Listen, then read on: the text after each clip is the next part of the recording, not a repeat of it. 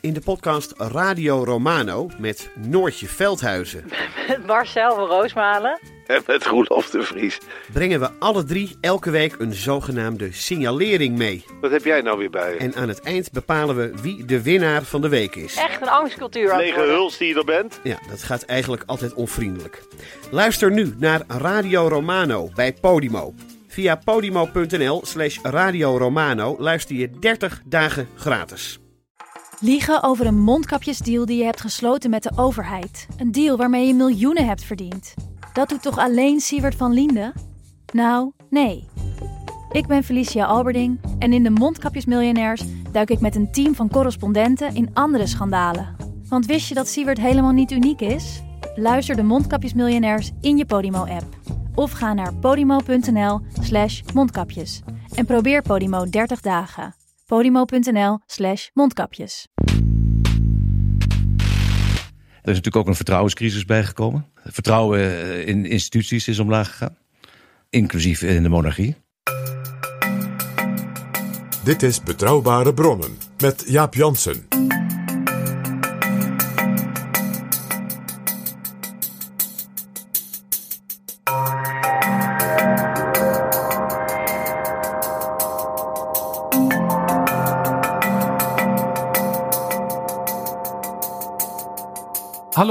Welkom in Betrouwbare Bronnen aflevering 342. En welkom ook PG. Dag Jaap. PG, op 30 april aanstaande is Willem-Alexander 10 jaar koning. En op donderdag, aanstaande donderdag, viert hij zijn 56ste verjaardag. Dubbel feest. Maar het gaat niet zo goed met de populariteit van de koning. In de opiniepeilingen zakt hij met zijn gezin weg. En wat interessant is, is dat dat, dat dus blijkbaar een verbinding is tussen die persoonlijke waardering en die waardering van het instituut. Want ook koningin Maxima, die altijd populairder was, natuurlijk ook qua persoonlijkheid, dan de koning, die zakt als het ware met haar echtgenoot en het instituut ook omlaag. Peter Kanne van INO Research die stelt in de jaren 50 en 60 was de aanhang van het Koninklijk Huis in de peilingen nog zo'n 80 à 90 procent. Nu is het 50-50. En dat is voor de langere termijn een slecht beeld, zegt hij in het nieuwe boek van Jan Hoedeman, De Achilleshiel van de Koning, Monarchie onder druk. Nou ja, daarbij speelt natuurlijk nog iets. Als je kijkt naar de meest recente cijfers, zie je een opmerkelijk generatieverschil. Eh, ik zeg maar, die klassieke cijfers, misschien geen 80, 90 procent, maar nog twee derde, zit bij de Nederlanders boven de 60. Nou, die middengroep zit dan daar wat onder. En bij de jongere generatie is eigenlijk een kleine meerderheid. Heeft zoiets van, oh, voor ons hoeft het niet. Men is niet anti of tegen of dat men als het ware morgen een republiek wil. Maar er is niet zoiets van, wij vinden dit mooi en wij vinden dit nodig en nuttig. Beetje zoals bij ons thuis. Wij zijn republikein, maar we doen er eigenlijk niks aan. Ja, zo zou je dat kunnen zeggen. En dat geldt dus voor die jongere generatie. En er is blijkbaar een langerlopend proces van, zeg maar, eh, demonarchalisatie in Nederland. En die oudere Nederlanders wegen dan waarschijnlijk ook nog mee hun herinnering aan Beatrix en misschien ook nog wel aan Juliana. En ik denk in zekere zin, ja, de gewenning. Het is zo. Er is ook niet een soort fanatiek monarchisme in Nederland. Dat zei prins Klaus al altijd. Het is natuurlijk gewoon een republiek die een koningshuis heeft. Blijkbaar zit Willem-Alexander hier een beetje mee met die tanende populariteit. Eh, Want hij is een podcast gaan opnemen. Het gekke is, in die podcast zelf wordt hem gevraagd of hij naar podcasts luistert. En dan zegt hij, Nee, eerlijk gezegd heb ik de podcast nog niet ontdekt. En eh, het verbaast me ook ontzettend dat het zo'n succesvolle formule is. In een tijd dat alles snel, snel, snel moet gaan. Twitter 280 tekens, eh, vroeger nog 140. Kon je alles in doen. Ja. En als je meer dan dat had te zeggen, dan werd er niet meer geluisterd. En toch is de podcast, is, eh, het neemt tijd, langzaam. Mensen luisteren naar het. Het is een heel populair medium. en dus heeft hij met Edwin Evers nu een hele serie opgenomen die je gewoon overal kunt beluisteren. Een serie die overigens onder de hoede van de Rijksvoorlichtingsdienst tot stand is gekomen. Dat laatste is vanuit constitutioneel oogpunt volstrekt comme il faut. Tegelijkertijd zeg ik er nog iets bij. Als de koning eerlijk, oprecht vertelt dat hij eigenlijk nog nooit een podcast had beluisterd of iets dergelijks. Dan is dus deze serie ook gewoon hem ja, uh, ik zal maar zeggen, opgedrongen. Dus is niet iets wat hij zelf heeft bedacht dus. Dus dat heeft niet heel veel, ja, ik zal maar zeggen, dat het van binnenuit komt. Jij zegt, het, het kan niet anders dan dat de Rijksvoorlichtingsdienst er uh, zwaar bij betrokken is. Ik heb natuurlijk de nodige instructies meegekregen. We gaan het over het koningschap hebben, uw koningschap. Tien jaar lang de koning. Maar u, niet, niet te veel privé. iemand die echt de instructies nee, dat helemaal... klopt. Ik, maar ik wilde even de piketpalen slaan. Ja, nee, maar u bent toch niet iemand die alle instructies meteen overneemt? Zal ik de iPad gewoon wegleggen nu? het dagblad Trouw, dat toch van oudsher een koningsgezinde krant is, zei afgelopen week in het hoofdredactioneel commentaar dat eigenlijk die podcastserie onbevredigend is. Want de gebrekkige verantwoording die de leden van het Koninklijk Huis afleggen over gemaakte keuzes, ja, die wordt ook hier niet uh, ja, uh, teniet gedaan. Trouw zegt: Het zou goed zijn als de koning zich op echt journalistieke wijze laat ondervragen over de afgelopen tien jaar. En daarin ook uiteenzet hoe hij de monarchie in de toekomst relevant denkt te houden. Dus daarmee zegt Trouw dat het wel leuk is, zo'n podcast. Maar in feite geen kwalitatieve journalistiek is. Dat is richting de RVD dan weer tamelijk hard. Ja, maar Trouw gaat dus ook niet uit van jouw stelling dat het gewoon niet anders kan. En dat is opmerkelijk. Want Trouw was vroeger een van de steunpilaren van de monarchie. En de mensen die er uh, voor doorgeleerd hebben, onder andere Jan Hoedeman, die schrijven ja, juist in de, de vroegere achterban van bijvoorbeeld Trouw zit nog wel veel begrip en nog wel veel aanhankelijkheid voor het Koningshuis. Nou ja, ik zei ook niet dat het niet anders kan. Ik zei dit is constitutioneel zoals we het doen. Zoals het is geregeld. Een koning die uh, zegt van ik heb uh, ja, een soort, soort vrijheid voor mezelf. Ik ga gewoon wel zo'n journalistiek interview geven voor mijn tiende verjaardag. Ja, die kan dat doen. Alleen één ding: de minister-president is en blijft verantwoordelijk. Er staat een heel merkwaardig commentaar in EW Magazine. Geschreven door de hoofdredacteur Arendo Joustra dit weekend. Hij memoreert ook de, de komende verjaardag en het tienjarig jubileum als staatshoofd. En dan zegt hij ja, de koning doet het slecht in de peilingen. Als gevolg daarvan krijgt hij een slechte pers. En hij krijgt weinig steun bij het opkalefateren van de monarchie. Het kabinet, het parlement en de Raad van State die kan het blijkbaar weinig schelen dat de monarchie er slecht voor staat, schrijft Joustra. Uh, hij zegt ook, ja, vroeger had je allerlei historici die nog wel kwamen uitleggen wat het nut is van de monarchie. Nou, die mensen zijn allemaal overleden. Je had ook Cenk Willink, de, de vroegere vicevoorzitter van de Raad van State, die te hulp kwam, maar die heeft zich een beetje teruggetrokken. En van zijn opvolger Tom de Graaf hoor je wat dit betreft weinig, schrijft Joustra. Natuurlijk is de koning de meest aangewezen persoon om het vertrouwen in hem en de monarchie te herstellen. Maar de andere instituties kunnen niet onbekommerd aan de zijlijn bivakeren. Kortom, waar blijven de steunpilaren van de monarchie? Ik vind het een beetje een merkwaardig commentaar. Want het zijn niet de peilingen die de pers ineens negatief doen schrijven. Het lijkt mij toch meer het gedrag van de koning zelf. En dat kun je hem in zekere zin niet kwalijk nemen. Want ja, het zijn toch de ministers en zijn adviseurs die toch voor een groot deel ook verantwoordelijk zijn voor wat hij doet. Maar hij heeft bijvoorbeeld in de coronatijd heeft hij een aantal keren domme dingen gedaan. Waar het niet bleek dat hij nou echt een heel erg uh, scherp gevoel had over wat het volk graag wilde zien en horen. Er zijn in het verleden natuurlijk nog andere dingen geweest. Uh, met zijn aanstaande vrouw. Of toen was hij nog kroonprins. En ook met bijvoorbeeld uh, het aanschaffen van een huis op een eiland in Mozambique. Wat allemaal niet zo slim was. En ook niet heel handige dingen in Griekenland. Ja. En onlangs werd er een boek van Jan Hoedeman gepresenteerd. Ik noemde het al, de Achilleshil van de koning. Waarin Jan Hoedeman al dit soort dingen beschrijft. En in dat boek, en ook bij de presentatie ervan, spreekt Alexander Pechtold, de voormalig leider van D66. En die vraagt zich eigenlijk af: is de monarchie in deze 21ste eeuw houdbaar? En zijn antwoord is, en dat was best wel verrassend, want dat hadden we nog nooit zo scherp gehoord van iemand op dat niveau. Mijn antwoord is nee, zegt Pechtold.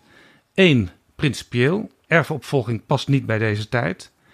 En twee, de legitimiteit die brokkelt af, mede door het medialandschap, de veranderde politieke verhoudingen, maar ook onachtzaamheid bij adviseurs en gebrek aan scherpte bij de premier. De premier is natuurlijk degene die hem begeleidt. Maar Jaap, Pechtold zegt nog iets. En dat is denk ik, gelet op die door jou wat merkwaardig genoemde commentaar van uh, Arendo Joustra relevant. Want Pechtold zegt dat de reactie van de koning op bijvoorbeeld die trend in die peilingen hem dus ja, toch, toch vragen doet stellen. Hij citeert letterlijk. Namelijk dat de koning schouderophalend reageert. Voor positieve kritiek sta ik open. Van peilingen heb ik me nog nooit wat aangetrokken. En dan zegt Pechtold. Maar als oud politicus kan ik zeggen dat peilingen wel degelijk invloed hebben. Hoe hard de politicus of de vorst dat ook ontkent. En het belangrijkste met peilingen over de monarchie is dat het een impliciete boodschap heeft. Namelijk dat maatschappelijke steun een vereiste is. Dus de opmerking van Arendo Joustra dat hij zegt van ja, de, ik zal maar zeggen, de Cenk Willings en zo en, Tom de Graaf en de premier, die moeten het gaan opnemen voor de koning. Ik denk dat ze dat ook niet doen omdat de koning dat niet wil. Want daarmee zou je in feite erkennen dat hij zich wel wat van die peilingen aantrekt. En dat maakt het dus ook voor, denk ik, de premier lastig. Maar misschien is het ook wel een illustratie, PG. Zij komen hem niet te hulp omdat de koning graag het beeld wil laten postvatten dat hij zelf wel zijn mannetje kan staan. Maar ja, zo zit natuurlijk de constitutionele monarchie niet in elkaar. Want hij moet af en toe iets eh, doen, hij moet af en toe iets zeggen, maar altijd in de context van wat de politiek hem toestaat. En heel belangrijk, het is dus niet alleen maar iets wat de politiek hem gunt. De rol van de koning is ook een niet-politieke politieke rol, namelijk symbool zijn. En dat is ingewikkeld. Eh, je bent als het ware de, de tolk, de belichaming van een soort gemeenschappelijk gevoel.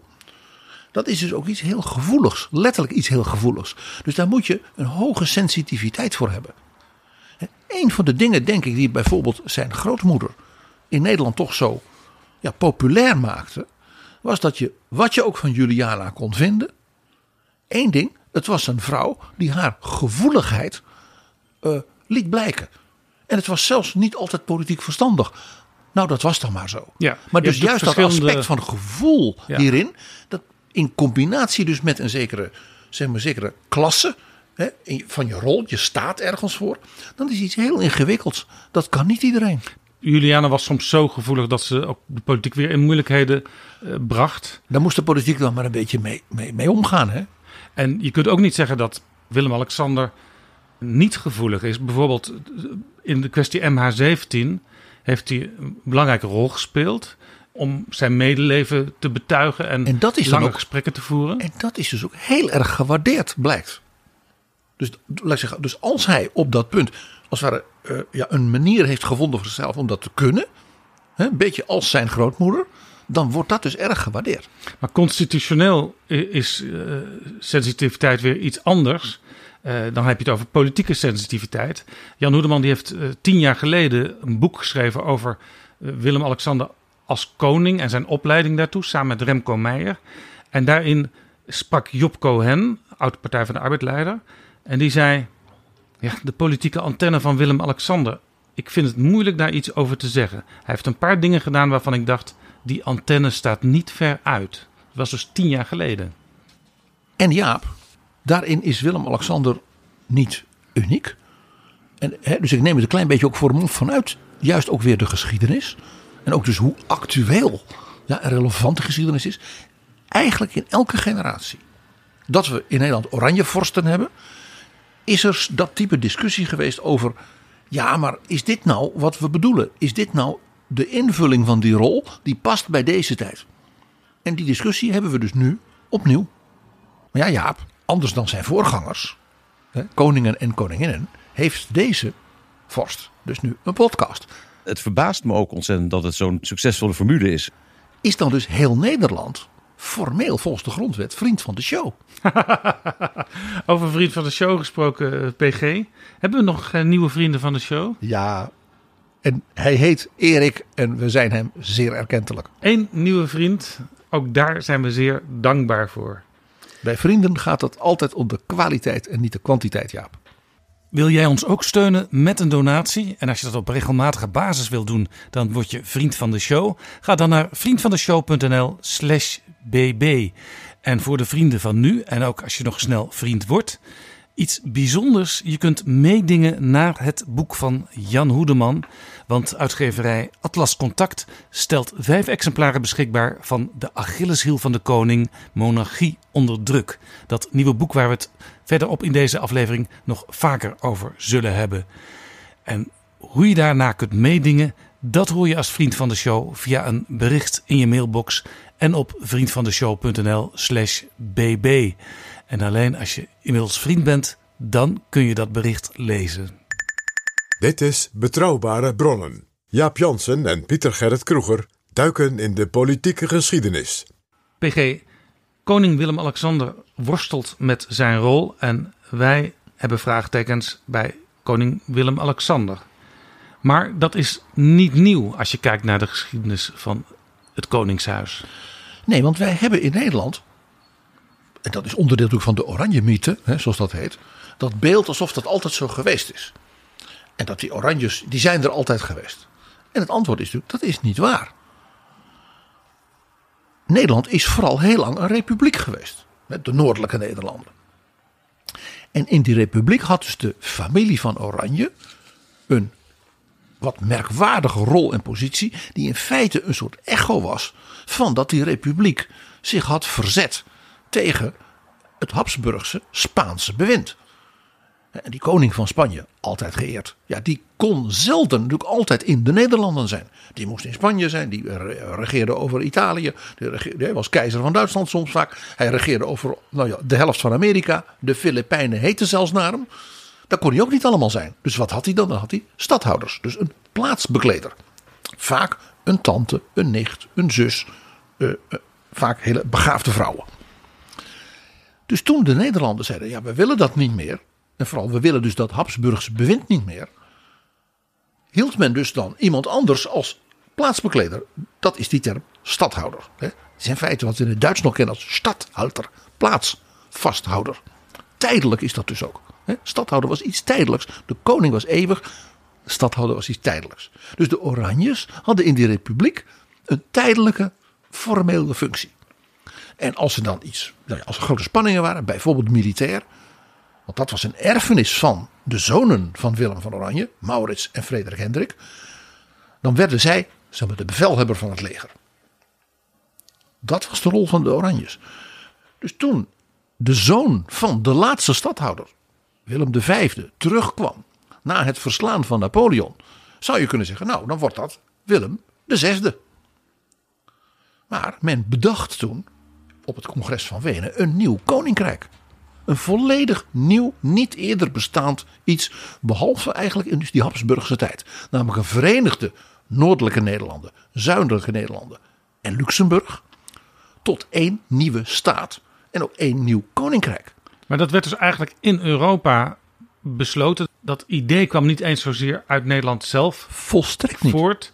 Maar het was meer, we doen het nu eenmaal graag zo. We werken nu eenmaal graag met koninkrijken in Europa. Nou, men wilde aan de noordflank van Frankrijk een soort bastion.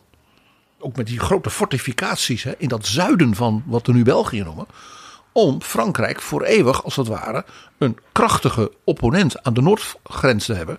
En aan de oostgrens van Frankrijk werd dus ook dat hele Rijnland ineens dus aan Pruisen toegevoegd. Was om precies een- dezelfde reden. Was het ook een beetje van dus eh, veel van die Europese landen, behalve dan Frankrijk, het idee dat je op die manier ook de geest van de Franse Revolutie een beetje kon indimmen, een beetje kon indijken. Absoluut. En daarom werd dus ook dat zeer krachtige, ge- ja, autocratisch bestuurde Pruisen dat hele Rijnland gegeven. Wat absoluut geen Pruisische traditie, historie en cultuur had. Want dat was namelijk grotendeels katholiek. Dat was Keulen, dat was Bonn, dat was ook het Roergebied zoals wij dat nu noemen. Dat was allemaal helemaal katholiek en dat was Pruisen zeker niet.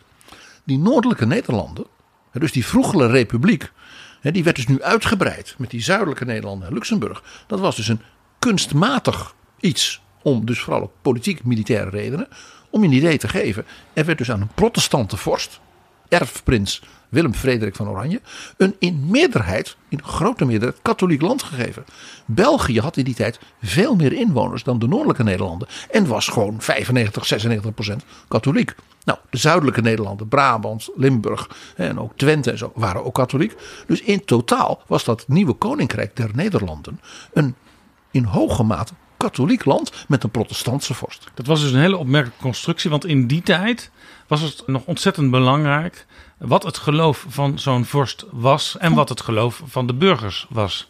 Omdat dat uit de 16e, 17e eeuw was gegroeid in die godsdienstoorlogen tot een één op één relatie. De, de godsdienst van de vorst was ook de godsdienst van de bevolking. En soms werden dus dan bevolkingsgroepen die dat niet hadden, letterlijk weggestuurd. Ja, zoals in Frankrijk gebeurd was. Is in Frankrijk gebeurd, is in Oostenrijk gebeurd. Is natuurlijk op heel gruwelijke manier ook in Spanje en zo gebeurd met de Joden en met de Moren. Dus koning Willem I werd dus koning omdat er in feite een kunstmatig bastion, ook militair en politiek, aan de noordkant van Frankrijk werd gecreëerd. Als een soort garant dat, het, dat er als het ware geen Napoleon en geen Franse nieuwe machtsgreep zou komen. En hij moest dus ook, om toch de steun van zijn volk te houden, moest hij ook zorgen dat hij in de zuidelijke Nederlanden populair was. En ook heel nieuw, hij was dus niet meer die stadhouder, die tijdelijke plaatsbekleder. Hij was nu zelf soeverein vorst. En had een grondwet die dus ook bedoeld was, heel nadrukkelijk, tegen de erfenis van de Franse Revolutie. Dus die grondwet, daarin was het heel duidelijk dat dus de koning echt zelf zou regeren. Een beetje zoals de tsaar of de koning in Berlijn. Dus dit waren allemaal volstrekt nieuwe verschijnselen voor de Nederlanden. Een nieuw koninkrijk, een nieuwe constitutie, een nieuwe zeg maar, katholieke meerderheid ja, van de bevolking en een heel nieuw soort heerser. Ja, en nu weet Willem-Alexander uit peilingen hoe zijn populariteit ervoor staat. Hoe wisten ze dat toen? Hoe dat zat met de vorst? Nou ja, dat was. Uh, er werd natuurlijk met de elite veel uh, gecommuniceerd. En één ding was duidelijk: dat zeker die in de zuidelijke Nederlanden. die stond uh, argwanend tegenover zeg maar, de nieuwe Oranje Koning. Ook dus vanwege dus zijn protestante achtergrond. En vanuit het idee dat ja, een soort autocratisch bewind was iets wat men zeker in de zuidelijke Nederlanden, maar ook in de noordelijke Nederlanden, waar men natuurlijk zeg maar die republiek gewend was geweest, waarbij iedere provincie en iedere stad ongeveer zijn eigen ding deed. en dan ja, aan het binnenhof had je dan de Staten-Generaal en eindeloze palaveren en dan werd er he, gecompromissen, gepolderd zouden wij nu zeggen. Dat was de cultuur. En in plaats daarvan kwam er dus nu een soort Hollandse tsaar. Met ook nog, er kwam nog bij, dat een man die qua karakter zeer uh, uh, dwingend was. En ongelooflijke werkezel. Want dat moet je erbij zeggen. Koning Willem I die nam zijn werk als koning extreem serieus. Die werkte 13, 14 uur per dag in een versleten uniform. Zat hij in Paleis Noordeinde, want dat was zijn werkpaleis. En zat stukken te doen voor zijn ministers, brieven te maken, uh, conceptwetten uh, te vol, herschreef hij zelf. De man had een enorme werklust. Die wou van dat nieuwe koninkrijk en dus ook dat nieuwe koningschap van hemzelf een succes maken terecht zou je kunnen zeggen, had hij het idee: ik ben verantwoordelijk voor alles wat er uit mijn regering komt en wat er in mijn naam gebeurt. Persoonlijk verantwoordelijk. vandaar dat ik zei, hij was een beetje te vergelijken met de tsaar. Het klinkt een beetje gek in Nederland, maar dat was zo. De vorst was zelf het bewind. Ja, dat is natuurlijk een groot verschil met de moderne constitutionele monarchie. Want koningin Beatrix uh, was ook een werkpaard. Maar daar kun je misschien van zeggen, ja, misschien deed ze zelfs wel te veel. Je hoeft ook weer niet alle wetten tot op de punt en de komma te lezen en te accorderen. En elke staatssecretaris met enige regelmaat ontvangen en een haar of hem dan helemaal het hemd van het lijf vragen over haar of zijn portefeuille. Daar heb ik persoonlijk uh, als medewerker op het ministerie van Onderwijs het een en ander van meegemaakt. Nou, Willem I had dus ook de behoefte zeggen wij nu achteraf, als je zo daarnaar kijkt, die man wou zich bewijzen in die nieuwe rol. Ook naar de andere vorsten in Europa die hem die plek hadden gegeven. Hadden ze, jij moet dat doen. ook omdat wij dan, als de Britten, als de Tsaar, als Pruisen, als Oostenrijk, die Fransen voortaan in de greep houden. En dus dat was een soort opdracht die hij deed, ook mede namens zijn collega's. Hoe zorgde hij voor het bevorderen van de eenheid in het land? Dat was dus het eerste grote ding. Nou, ten eerste was dus uh, wat echt een duidelijke signaal was, was iets heel nieuws, ook weer helemaal nieuw. We hadden een verhuizend soort hoofdstad. Amsterdam was dan de officiële hoofdstad. En Den Haag was residentie. En Brussel was ook residentie en hoofdstad. Hij heeft zelfs heel nadrukkelijk zijn zoon, de kroonprins, met zijn Russische eh, vrouw, Anna Palona. Dus gezegd, gaan jullie nou vooral in Brussel wonen. Zodat het Huis van Oranje daar met die nieuwe generatie zichtbaar is. En dat was natuurlijk voor die Russische prinses ook fijn. Want die vond natuurlijk dat Den Haag verschrikkelijk. Uh, Brussel, dat was tenminste nog een beetje een wereldstad. Daar had je nog opera, daar had je bal. Wat zij gewend was. Hè? Ja, als kleindochter van Catharina de Grote. De Tsarina. En Luxemburg ging er een beetje bij. En Luxemburg was een fort van het Pruisische leger. Een bewijs dus dat dat nieuwe koninkrijk er vooral ook was als een soort, hè, wat ik zei, bastion. Waarbij de Pruisen hadden gezegd: oké, dat Luxemburg mag dan bij dat uh, nieuwe koninkrijk. Maar wij hebben dan onze troepen. En dat moest dus de koning accepteren. Een soort gedoogsituatie. Ja, dat was dus gewoon een soort waarschuwing aan Frankrijk. Daardoor. De koning probeerde dus ook de zuidelijke uh, elite, de politiek, dus te betrekken bij uh, het bewind. Vooral ook omdat men daar nogal kritisch was, omdat men ook daar politiek in die Franse tijd aanzienlijk meer, wij zouden nu zeggen, liberaal was geworden uh, dan de noordelijke Nederlanden. Dus men had daar ook nogal wat sympathie voor Frankrijk, voor zover Frankrijk als het ware ja, ook een liberaal bewind had. Ja, vrijheid, gelijkheid, broederschap, zeg maar de positieve kant van de Franse Revolutie. Dat was natuurlijk wat de liberalen aanhingen in die tijd al. En dat gold dus ook dus voor, ik zeg maar, de, de aristocratische elite van wat we nu België noemden. Nou, gecombineerd dus met dus de meer conservatieve deel van België, wat natuurlijk als tolk natuurlijk heel duidelijk mensen had, namelijk de bisschoppen. Die waren de tolk voor de, van de gewone, eenvoudige boeren uh, en ook van Vlaanderen. Uh, en die moesten natuurlijk van zo'n protestante vorst niet veel hebben. Nee, daar was dus een kloof. Een dubbele kloof. Precies. En wat koning Willem I dus moest proberen, zou je dan zeggen politiek, was voorkomen dat die de handen in één gingen slaan. Hoewel ze dus ideologisch en politiek in feite heel erg van elkaar verschilden. De meer liberaal denkende Fransgezinde adel en de meer behoudend, zelfs, zelfs zeg maar, reactionair denkende uh, katholieke uh, uh, kerk. Zeg maar, klerus en de elite daarvan. In zekere zin was dat dus in die Nederlanden een zuidelijke tijdbom voor de koning. En wat deed de koning, ja? De koning dacht, ik ga met nog een vernieuwing komen. En misschien was in al zijn ijver en het feit dat ik zei dit was allemaal nieuw, net één vernieuwing te veel. Want wat bedacht hij? Hij dacht, als ik nou kijk naar de tsaar, als ik kijk naar de koning van Pruisen, als ik kijk naar de koning van Engeland, die zijn allemaal het hoofd van de nationale kerk. En ik ben dat niet. En de meerderheid van de bevolking van mijn nieuwe koninkrijk is katholiek en dat ben ik ook niet. Dus hij kwam met de gedachte, eigenlijk zou er een algemeen christelijke kerk voor de Nederlanden moeten zijn, waarin dus protestanten en de katholieken en zelfs de joden samen konden Een soort regenboogkerk. Een soort regenboogkerk, ja, dat vind ik wel helemaal. Een soort ecclesia van Huub Oosterhuis. ja. Dus eigenlijk een beetje zoals de Anglikaanse kerk. En natuurlijk helemaal natuurlijk de Russisch-Orthodoxe kerk. Want merkwaardig was dat hij zei: binnen die kerk mogen dan de verschillende gemeenschappen, die kunnen dan hun eigen uh, verhaal doen. Die mogen dus hun verschillende dogma's, die mogen ze doen. Dus de hervormde kerk als een soort nationale kerk van de protestanten. Er was dus ruimte voor de joden en ruimte voor de katholieken. Maar de koning zei, als ik nou daar het hoofd van word, dan kan ik als het ware, uh, inderdaad zoals in andere landen, aangeven aan die kerkelijke gemeenschappen welke nationale en zeg maar bijbelse deugden zij dan wel moeten uitstralen, die dus als ware dan ook nationale ja. eenheid vormen. En dus een aantal dagen in het jaar zijn dan ook uh, nationale dagen. Ja, en het zou ook meteen daarmee heel belangrijk zijn voor het nationaal onderwijs. Dan zou er dus ook één, in zekere zin openbaar onderwijs zijn, dat als het ware mede gestuurd werd vanuit die algemeen christelijke kerk der Nederlanden. Je moet één ding zeggen, de man had wel een soort, soort, soort visioen. Het was wel heel gedurfd, dit idee. Maar dat kan de paus in Rome toch nooit goedkeuren? Dat die Nederlandse koning zich ineens met allerlei kerkelijke zaken gaat bemoeien? Nou ja, ja, de paus in Rome is natuurlijk, was natuurlijk toch een Italiaanse paus. Hè? Dat waren Italiaanse. En die had op dat moment, in die eeuwen daarvoor, in die republiek, überhaupt niets te vertellen gehad. Dus mocht zelfs geen bisschoppen benoemen. De invloed zou zelfs toe kunnen nemen. Dus het merkwaardige wat toen ontstond was dat dus meer echt conservatief katholieke bisschoppen in het zuiden, met name de bisschop van Gent, die zei dus ja, als deze koning, dat is dus gewoon. Toen zijn ze dus in het zuiden, onder andere dus die behoudende bisschoppen, die hebben toen iets heel ondeugends gedaan. Die hebben gezegd: Ik beroep mij nu op uw eigen grondwet, koning Willem I.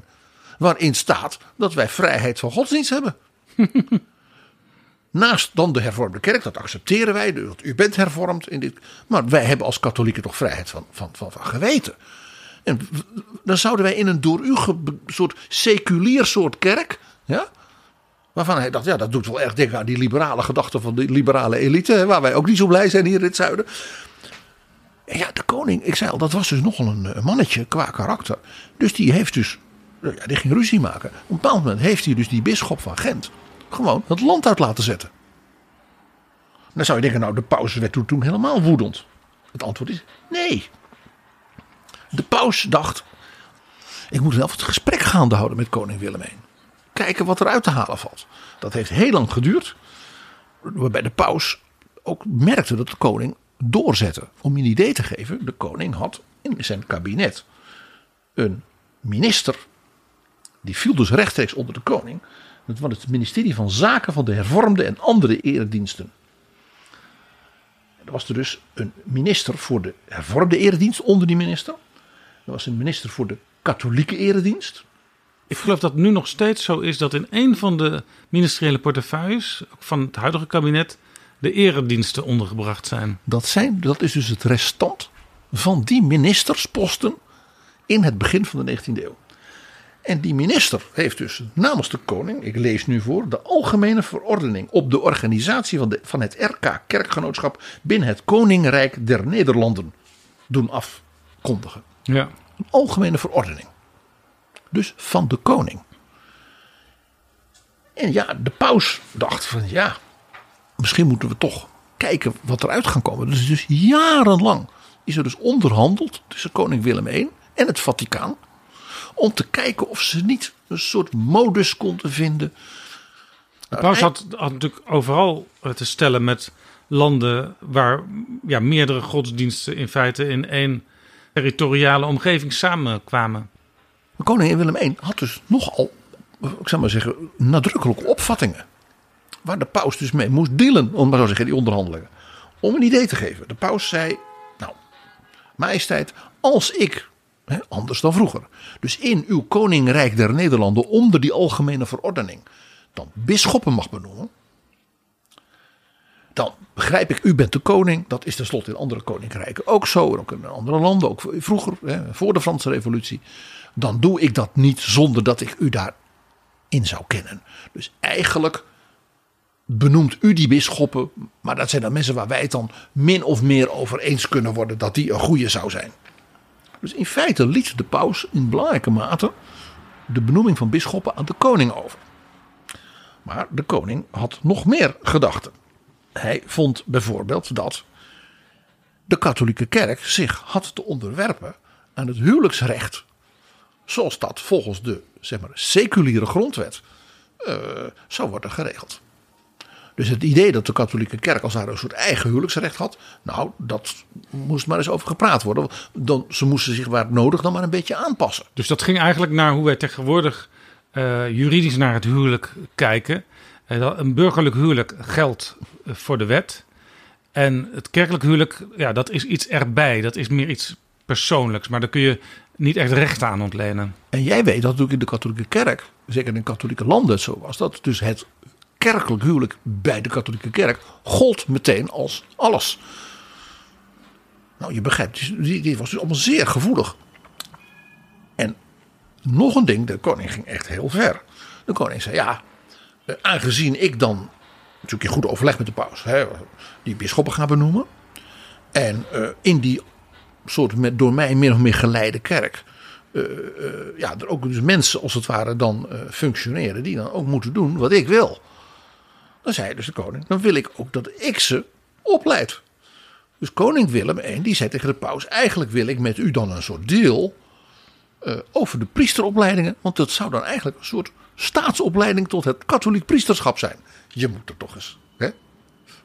Dus, dus die koning die al heel hard werkte met al die ministers die die voortdurend in de tang hield, die wilde nu ook nog die hele kerk eh, erbij nemen en zelfs eh, die mensen gaan opleiden. Ja, want die zouden dan ook meteen in dat algemeen christelijk openbaar onderwijs ook les kunnen geven. Maar ja, dan moesten ze natuurlijk wel een zodanige opleiding hebben dat ze naast als het ware de dogmatische kant van de katholieke eh, leer ook braaf in lijn met de koning.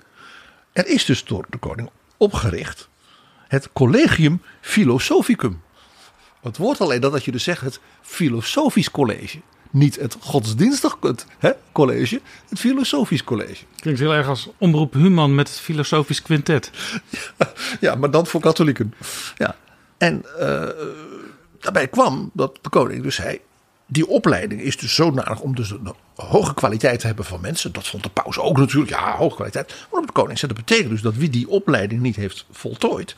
ook niet als priester mag optreden. Waarbij dus natuurlijk ook weer was dat het Vaticaan dacht: ja, wacht even, dan komt er een soort diploma voor katholiek priesterschap. Eh, ja. Waarbij wij dus ook weer greep er een beetje dus op kwijtraken. Koning, koning volledig in de hand. Wat er, ja. wat er verder nog gebeurt. Want iedereen moet in feite loyaal zijn aan jou voordat ze überhaupt zo'n kerkelijk ambt mogen bekleden. Nou, de koning kwam dus uiteindelijk met de paus in 1827 tot een soort overeenkomst. Dat heette dan een concordaat. He, dus de paus dacht: ik neem mijn verlies in een aantal opzichten, omdat ik ten opzichte van vroeger toch nog win. Ja. Ik heb nu toch een, zeg maar, een voet tussen de deur in, ja. in de Nederlanden. Want dat noordelijke Nederland dat was grotendeels protestant. En daar heb ik nu ook een beetje invloed.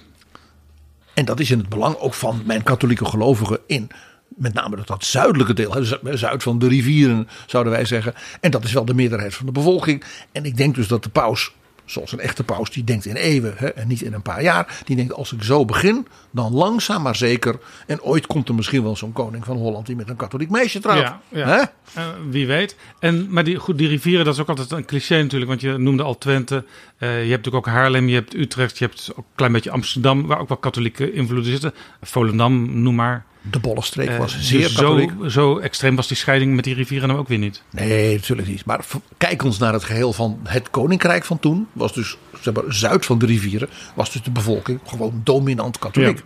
Nou, dus de koning die dacht, dan heb ik nu dat concordaat en dan ga ik hem nu doorzetten. Dus hij richtte meteen dus dat Collegium Philosophicum op.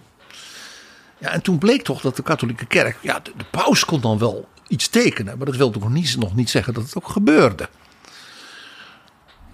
De koning moest vaststellen dat geen katholieke jongeman eigenlijk naar die opleiding wilde. Want je had ook nog de bisschoppen. En die bisschoppen die gingen dus niet meteen in het gelid staan voor het feit dat hun paus iets accordeerde.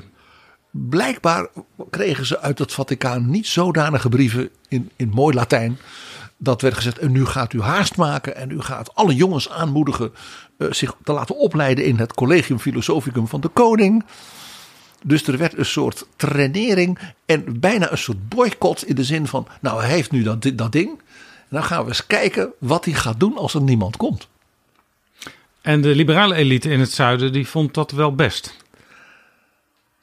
Ja, dat, het merkwaardige was dat het, de liberale elite zich liet inpraten vanuit dus de behoudende katholieke hoek. Die zeiden van, die koning, die zit dus nu in feite de vrijheid van geweten, de vrijheid van meningsuiting in te perken onder het mom van nationale eenheid. Dus er ontstond in België een soort, zeg maar, licht opportunistische alliantie tussen de liberale elite en de katholieke elite. Precies wat de koning had moeten voorkomen, had hij dus bewerkt door zijn, ja, toch wat niet heel handige, zal ik maar zeggen, opstelling in die geloofskwestie. Die hij waarschijnlijk met de beste bedoelingen vanuit de nationale eenheid had bedacht. Ja, hij dacht waarschijnlijk ook wel dat, dat de zuidelijke liberale elite het wel mooi zou vinden. Uh, want het is toch iets meer nationalisme, zou je, zou je kunnen zeggen. Uh, een tijdje geleden vertelde je over de Duitse liberalen die de nationale eenheid ook belangrijk vonden. En toch een, een, een staatskerk en een staatsopleiding is natuurlijk niet à la de Franse Revolutie. Maar het, is wel, het neemt wel de zware invloed van verschillende kerken een beetje van je schouders af. Ja, dus het interessante was dat de koning zich waarschijnlijk gewoon politiek misrekend heeft. Dat dus de liberale zuidelijke elite om tactische redenen een alliantie sloot met als het ware zijn ideologische tegenstanders. Terwijl de koning misschien gedacht had door die wat strakkere aanpak. eh, Zeggen dan die liberalen in het zuiden misschien goed zo. Dan worden die katholieken die worden tenminste een beetje. Die moeten een, een toontje lager zingen. Maar dat werkte zo dus niet. Wat is er van die nationaal christelijke kerk, die algemeen christelijke kerk geworden? Dat is een drama geworden. Want ja, eh, de oprichting van het collegium moest in 1829 al worden gestopt, want er kwam niemand. En een jaar later kwam dus de Belgische opstand. Die alliantie die werkte dus. En ja, de koning moest dus vaststellen dat hij letterlijk en figuurlijk achter de feiten aanliep in het zuidelijk deel van zijn koninkrijk. En toen kwam, en dat was natuurlijk heel bitter, terwijl de Belgische opstand gaande was. En hij dus de zuidelijke helft en daarmee meer dan de helft van de bevolking van dat koninkrijk in feite kwijt was. En hij daarmee dus ook moest erkennen dat zeg maar, die opdracht van het congres van Wenen, van de andere vorsten, jij maakt een krachtig bastion dat Frankrijk in de, in de greep laat houden, dat was dus mislukt. Dus hij stond eigenlijk voor lul bij zijn vrienden. Ja, en toen gebeurde er nog iets. Er was in de noordelijke Nederlanden inmiddels ook een soort rebellie aan het ontstaan. Onder de zeer orthodoxe, zeg maar gereformeerde gezinten. Die zeiden ja, een koning die een soort kerk en ons dan gaat dwingen dat wij met de katholieken in één gebouw moeten gaan zitten. En dat, we dan, dat er scholen komen die in feite zijn opvatting van algemeen christelijke deugden en nationale deugden moeten doen. Dat willen wij niet. Wij zijn orthodoxe protestanten. Dat waren de gereformeerden van toen. Dat is ook de christelijk gereformeerde kerk geworden. En die hebben zich dus afgescheiden, dat heet ook de afscheiding, van de nationale, dus de Nederlands hervormde kerk. Dus de koning bewerkt in het noorden een kerkscheuring in zijn eigen kerk. Eigenlijk het idee van soevereiniteit en eigen kring wat hier opspeelde. Ja, dat zou je kunnen zeggen. Eh, dit ging zo ver dat de koning, zoals hij in België dus die bisschop gewoon het land uitgooide. Dat hij dus in de noordelijke Nederlanden, dit speelde bijvoorbeeld in Groningen, in Drenthe en die streken. Dat hij met politie en leger dus eh, liet optreden en dan dominees zeg maar, van de kansel liet halen. Als hij dus tegen die nieuwe kerkgedachte van de koning preekte. Dat heeft dus ertoe geleid, dat heette de afscheiding, dat er dus een scheuring kwam. Met name dus in het noorden van het noorden en het oosten van het land. Eh, en heel veel van die mensen zijn, omdat ze dus echt gewoon door de koning onderdrukt werden. Ook echt repressie hè, met politie en leger en alles. Die zijn dus gaan verhuizen naar Amerika.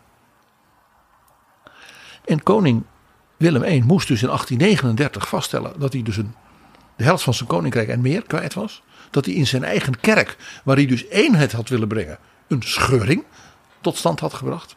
En dat dus de Europese vorsten hem dwongen in 1839 de vrede van Londen te tekenen.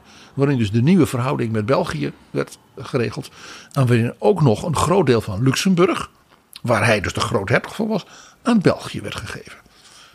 Dus hij is in 1840 eh, is hij, ja, helemaal gedesillusioneerd opgestapt. En deed toen iets ja, wat wel weer past bij zijn idee van een soort ruimdenkende eh, nationale kerk. Want hij was toen inmiddels weduwnaar. En is toen hertrouwd met een katholieke eh, dame. Oh. Die voor zijn vrouw had gewerkt. Daar werd schande van gesproken. Dus het einde van zijn koningschap was dus ja, dramatisch. En toen nam hij ook nog weer vanuit datzelfde, ja, zeg maar, religieuze controverses een persoonlijk besluit in zijn persoonlijk leven. Waardoor hij in zijn land bijna een soort outcast was. Kortom, Jaap, wat ik zei. Elke generatie heeft in dit geval dus zelfs zeer dramatische discussies met elkaar over ja, de rol van de koning. Dus ook zijn profiel. En ook ja, hoe men hem wel waardeerde en minder.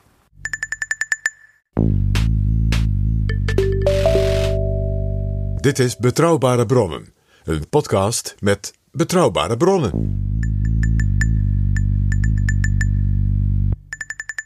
PG, we hebben het over de lastige relatie tussen de koning, koningen en hun volk. En eh, we spraken net over koning Willem I, dat was een heel verhaal.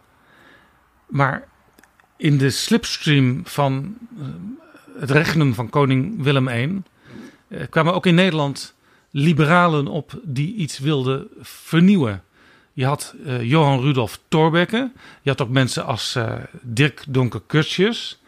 En die sleutelden aan een nieuwe grondwet. Een liberale, je zou kunnen zeggen voor die tijd zeer progressieve grondwet.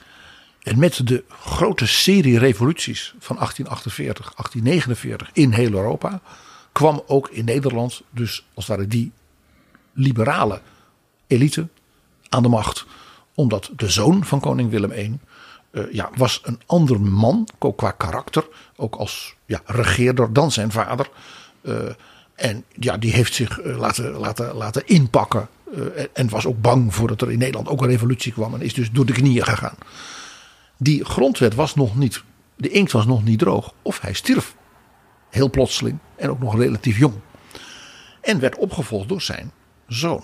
En dat was koning Willem III. En die had er niet zoveel zin in, hè, in de nieuwe grondwet? Die had geen zin in het koningschap. Die had geen zin in die grondwet. Die had, geen, die had geen, uh, überhaupt geen respect voor zijn vader en zijn grootvader. Ik heb altijd het beeld, uh, wat jij wel eens verteld hebt voor me, uh, van Thorbecke die dan weer met nieuwe wetten bij de koning kwam, waar hij een handtekening onder moest zetten. Zo conform de grondwet was dan uiteindelijk de koning die dan tekende. En dat de koning dan die, die pen in de open haard gooide. Ik verdom het, riep hij dan, want hij was heel grof in de mond, zoals bekend. En voor de zekerheid had Thorbecke altijd meerdere pennen meegenomen. En hij had altijd een secretaris bij zich, zodat als er een parlementaire enquête of zoiets zou komen, dat er een getuige was, bij was. Thorbecke en de koning, dat was zo'n fameus slechte verstandhouding, dat Thorbecke zorgde dat hij altijd iemand bij zich had, een getuige. Om ook om te voorkomen dat de koning in zijn uh, nou ja, zeg maar, koning Gorilla, zoals hij werd genoemd, in zijn onbeheerstheid misschien nog verder zou gaan dan alleen maar schelden. Belangrijk is vast te stellen, we zitten hier in een fundamenteel andere tijd uh, dan die van koning Willem I. Want hier was het dus uiteindelijk de politiek, uh, de ministers, die verantwoordelijk werden voor het politieke handelen van de koning. De koning was onschendbaar. De minister is verantwoordelijk. Dat is die, die briljante korte one-liner formulering van eh, Donker Curtius en Thorbecke samen. Dat, dat was dat denken. En de koning, in feite heeft koning Willem III die nieuwe rol nooit geaccepteerd. En dat heeft zich, dat, dat bleef voortdurend weer uh, ja, heen en weer gaan. En heeft uiteindelijk tot een in Nederland een beetje vergeten diepe Europese crisis geleid. Waarbij het zelfs oorlog dreigde tussen de grootmachten in Europa om iets van koning Willem III. Oh ja? En dat was, we hadden het er eigenlijk al heel even over bij koning Willem I, want ja, dat is natuurlijk geen toeval. Dat was Luxemburg. He, België had dus het overgrote deel van Luxemburg gekregen, maar niet de stad Luxemburg met de omgeving, want dat was een Pruisisch fort. Ah ja. Om Frankrijk in de greep te houden. Maar ja, koning Willem III, die wilde toch eigenlijk net als zijn voorvaderen op het grote Europese toneel. Ja, zijn mannetjes spelen. En hij had geld nodig. En Jaap, koning Willem III, ja, had, zeg maar onaardig gezegd, niet de intellectuele politieke capaciteit om op dat niveau te opereren. En had op dat moment als de tegenover hem man in Berlijn een nieuwe kanselier Otto van Bismarck. Aha. En wij weten natuurlijk uit een recente editie van Betrouwbare Bronnen dat één ding duidelijk was: Otto van Bismarck was wel heel slim politiek. Zeker. En in Parijs had je natuurlijk keizer Napoleon III, die Frankrijk weer groot wilde maken. En koning Willem III, die had iets met Frankrijk. Koning Willem III was anders dan zijn, dan zijn vader en zijn grootvader heel erg pro-Frans. Waar kwam dat vandaan? Misschien wel vanwege het feit dat zijn vader, dus zo'n de held van Waterloo was. En dus tegen Napoleon had gestreden, gewond was geraakt bij die slag. En daardoor ja, een enorme held in Europa was.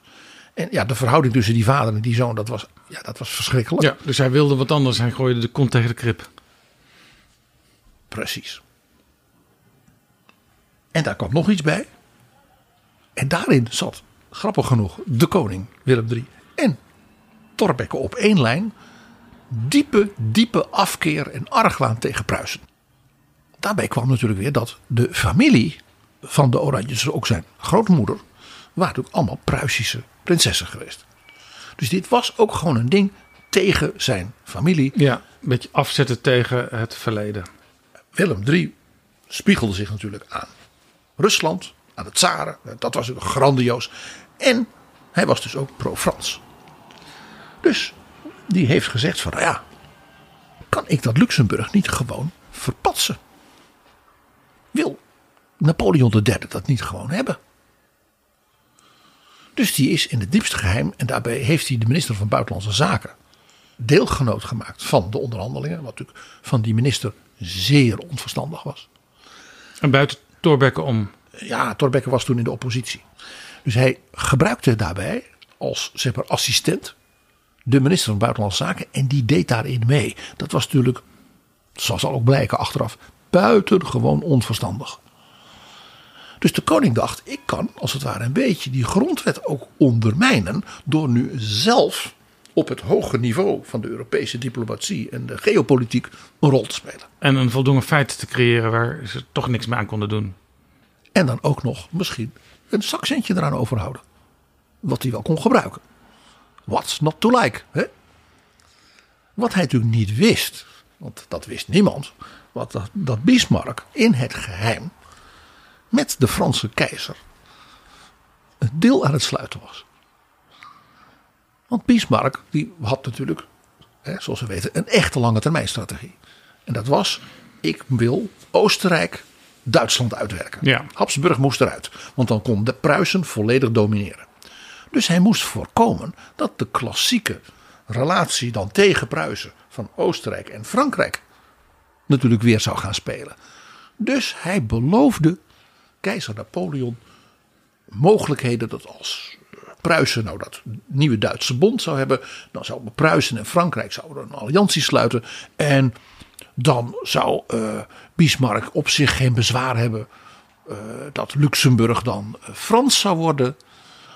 en dat Pruisische garnison, dat zou dan ook wel weg kunnen daar. Daar viel over te praten.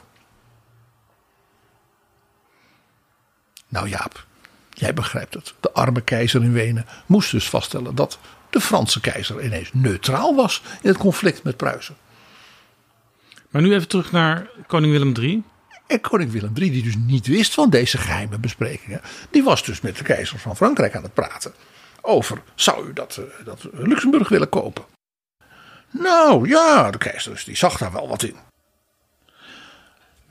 En de koning dacht: nou ja, ik heb nu dus een deal, min of meer, met de keizer in Parijs. Met die rugsteun kan ik dat door mij niet zo, bij mij niet zo geliefde Pruisen dan van de deur houden. Dus die zei tegen Bismarck: Ja, u gaat nou de nieuwe Duitse bond maken. Want u heeft door de neutraliteit van Frankrijk onder andere dat Oostenrijk verslagen en Ja. uit de bond gegooid. Eh, dan wil ik wel dat Luxemburg en Limburg niet meer in die nieuwe bond zitten. Want dat was nog in Wenen zo geregeld. Nou, zei Bismarck, dat kan tegen Willem III. Dan annexeren wij dat. Dan worden Limburg en Luxemburg gewoon bij het Pruisische Rijnland getrokken, want daar hoort het bij. Je begrijpt, Nederland keek wel uit om over Limburg oorlog te gaan voeren tegen Ja. Bismarck. Ja, ja. Dus de koning die stond, eh, eh, eh, ja, ineens klem.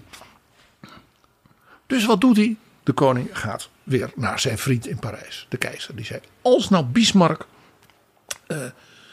dat zou doen, bent u dan bereid Nederland bij te staan en dat het Franse leger dan ingrijpt ten gunste van Nederland?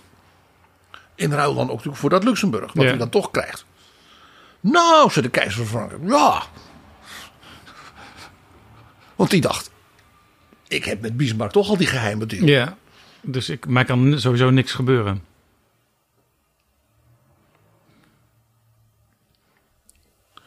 Dus in het diepste geheim maakte de koning Willem III een deal met de keizer van Frankrijk. Een militaire alliantie tegen Pruisen. En in ruil daarvoor kregen zij dan Luxemburg en dan zou de Franse keizer het fijne bedrag van 5 miljoen gulden daarvoor betalen. Nou, dan uh, kon je. Hoe groot was het uh, bruto nationaal product van uh, het land van Willem III toen? nou ja, dan heb je het over een paar miljoen gulden. Dus dit was meer? Dit was, dit was een heel groot bedrag. En om je een idee te geven van hoe dus de koning ook hier opereerde, ook in de rol van de koning is onschendbaar, de ministers zijn verantwoordelijk en dat hij daar onderuit wilde. Het was dus ook een zekere zin anti-grondwet, anti-Thorbecke actie. Dit. Ja, ja. Wie stuurde hij naar Parijs? Om de zaak definitief te regelen met de Franse keizer. Zijn zoon. Kroonprins Wie wil, zoals hij werd genoemd. Dus hier zag je weer. De koning wilde dat dus het. Dat hij zelf ja, en zijn familie de grote beslissingen namen. En hoe stond de politiek in Den Haag hier tegenover toen dat allemaal duidelijk werd? De politiek in Den Haag, ja, de, de minister van Buitenlandse Zaken, uh, die was gewoon ja, deel van het complot. Verder wist niemand het. Maar toen bijvoorbeeld Thorbecke het hoorde. Thorbecke zat in die fase uh, in de Kamer, was uh, oppositie. Dit bleef dus allemaal nog geheim. De keizer van Frankrijk stuurde op 31 maart 1867 een gezant, meneer Baudin, naar Den Haag. En die zegt, nou, die prins is bij ons geweest. Dit. Dus ik kom nu met het officiële stuk. Dus die kwam daarmee naar de koning. Maar ja, Jaap, wij stelden al vast, niemand wist eigenlijk wat hier aan de hand was. Daarbij kwam dat de koning het jaar daarvoor, in 1866, slaande ruzie had gehad met de meerderheid van de Tweede Kamer. En zelfs verkiezingen had afgedwongen. Waarin de koning een soort koninklijk manifest had gepubliceerd. Waarbij de kiezers werden opgeroepen om op andere mensen te stemmen dan de huidige Kamerleden. In rood, wit, blauw werd dat zelfs bij alle oproepbrieven aan de kiezers meegestuurd. De volstrekt in strijd met uh, de letter en de geest van de grondwet. En het interessante was, de kiezers hebben toen gezegd: ja, dat kan de koning willen. En er kwam dus een nieuw, opnieuw een oppositionele meerderheid in de Tweede Kamer tegen de koning. Terwijl dus hij zo met de Tweede Kamer omging, was hij dus met Bismarck en vooral met de Franse keizer bezig. Ze hebben grote politiek te spelen. Dus ja, die Franse gezant die komt in Den Haag en die zegt: Nou, majesteit, uh, chop, chop, chop, regelen. Maar ja, de koning dacht. Dus dat, die ging in de vertraging, want die merkte: Ja, ik heb nu wel, ik heb wel op een heel dun ijs geschaatst. Ja. Waarop dus de keizer van Frankrijk zei: Ja, ik hoor maar niks. Uh, als ik niet snel wat hoor, dan stuur ik het Franse leger naar Luxemburg. Dan ga ik halen wat voor mij is. En dan krijg je geen cent. Je begrijpt al wat voor een narigheid hier dreigde. En op dat moment gebeurt er iets heel aparts.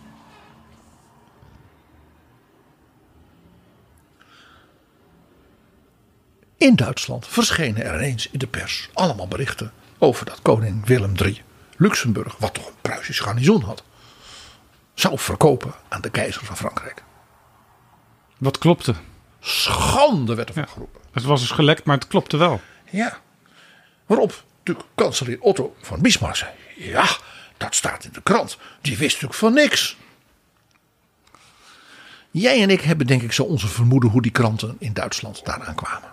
Had Bismarck niet toevallig het jaar daarvoor dat reptilienfonds om ook kranten te kunnen bewerken met Precies, geld met, met in eigen, Hannover gestolen. Met die eigen krant die vaak wel kritisch was, maar toch vooral schreef wat Bismarck prettig vond dat ze zouden schrijven, zodat hij kon manoeuvreren. En dat gebeurde hier dus blijkbaar ook. Dus de gedachte dat die, dat die journalisten, dat ze dat hadden van de dus zo dol op kranten en alle kranten in Europa lezende Bismarck hebben gekregen, lijkt mij niet ondenkbeeldig. Want Bismarck kon toen zeggen: Ja, ik wist hier niets van. Dat, dat kan natuurlijk niet.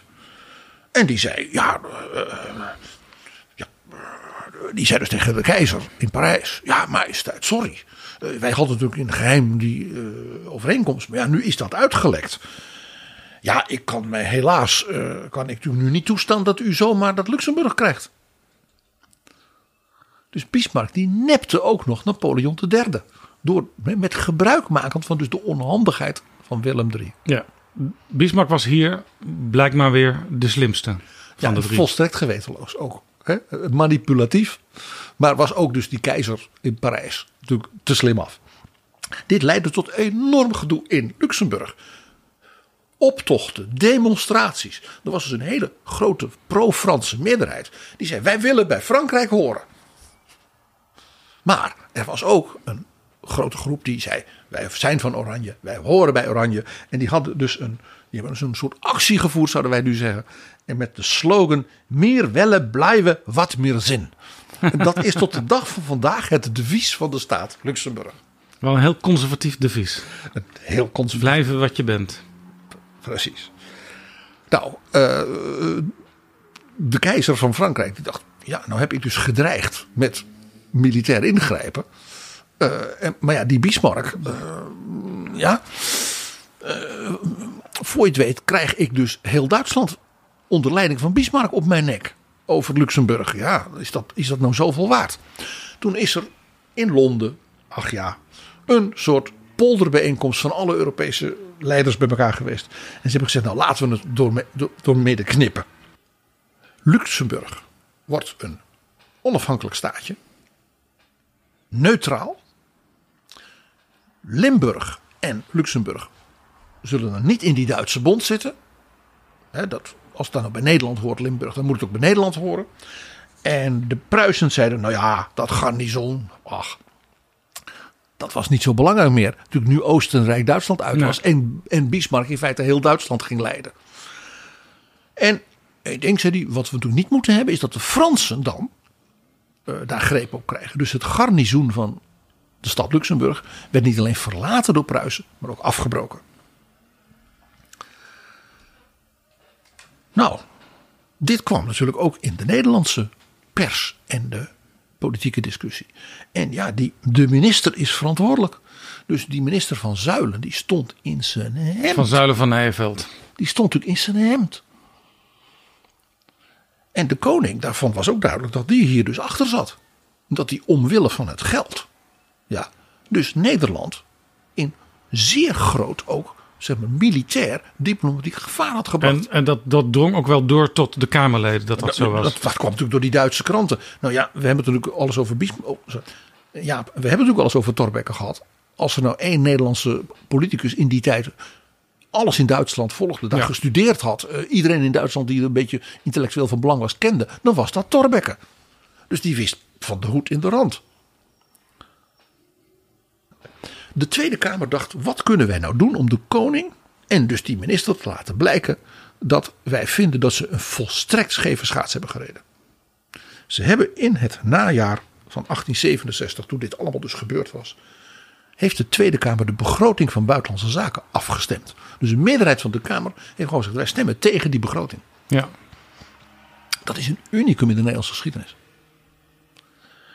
Waarop Willem III zo verschrikkelijk boos werd. Want het was natuurlijk geen uh, stabiele man. Dat hij heeft gezegd: die Tweede Kamer zou kunnen doodvallen. Hij zal wel enorm hebben lopen schelden. En heeft toen opnieuw de Tweede Kamer ontbonden. Dus voor het tweede jaar op rij dat hij heeft gezegd: die Tweede Kamer, die mensen moeten weg. Ik wil een andere Tweede Kamer en de bevolking moet mij een Tweede Kamer geven die mij laat de koning dat op basis van de liberale grondwet die er inmiddels was? Ja, de koning kan zeggen, uh, maar dat moet formeel. Toch, dat moet op voordracht van de ministers gebeuren dan? Uh, dat was dus het interessante punt. De minister van Zuilen, die ook als een soort premier functioneerde, die was dus gewoon zijn begroting afgekeurd. Die man had dus geen enkele politieke positie meer. Dus er zat maar één ding op: Kamerontbinding, verkiezingen. En wat gebeurde er? Precies hetzelfde als het jaar daarvoor. Een grote meerderheid van de kiezers zei: ja, maar wat hier de, de koning heeft gedaan en de ministers zijn daar verantwoordelijk voor, ja, dat kan niet. Dus er werd opnieuw een hele sterke liberale meerderheid in de Tweede Kamer gekozen. En ja, toen is de koning, uh, ja, die begreep, ik ben. Uh, die moest erbij neerleggen. Ik, ik, ik, ik, sta in mijn hemd. En ik, in heel Europa word ik natuurlijk met de nek aangekeken. Ook nog als een man die omwille van zijn eigen dingen bijna voor oorlog had gezorgd. dus er kwam toen een liberaal kabinet van Bossen, Fok. En dat heeft ook eigenlijk vastgesteld. Daarmee. Van het is vanaf nu de regel dat er alleen een kabinet kan worden gevormd op grond van het vertrouwen van de Tweede Kamer. En dus niet vanwege de zeg maar, hebbelijkheden of onhebbelijkheden van de koning.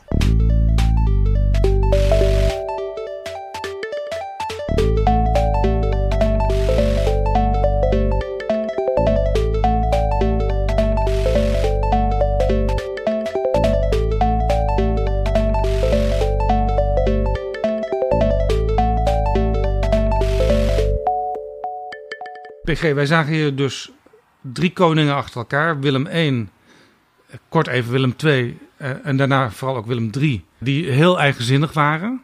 En dus ook conflicten hadden over hun rol in relatie tot wat wel en wat niet kan in je politieke ja, eh, eh, manier van opereren. En ook keiharde aanvaringen met niet alleen de eigen ministers, maar ook met de Tweede Kamer. En zelfs met het buitenland. Zelfs bereid waren ook om de Kamer te ontbinden eh, maar dan vervolgens het lid op de neus kregen eh, als er weer een heel eh, liberale, dus niet zo koningsgezinde Kamer terugkeerde.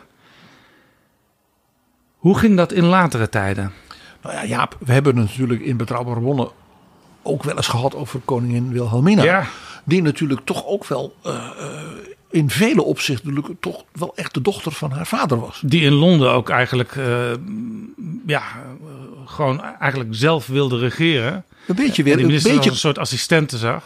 Een beetje weer koning Willem I ging spelen. En die bij terugkeer in Nederland ook dacht: die rol die kan ik nog wel een tijdje voortzetten. Want democratie, hoezo?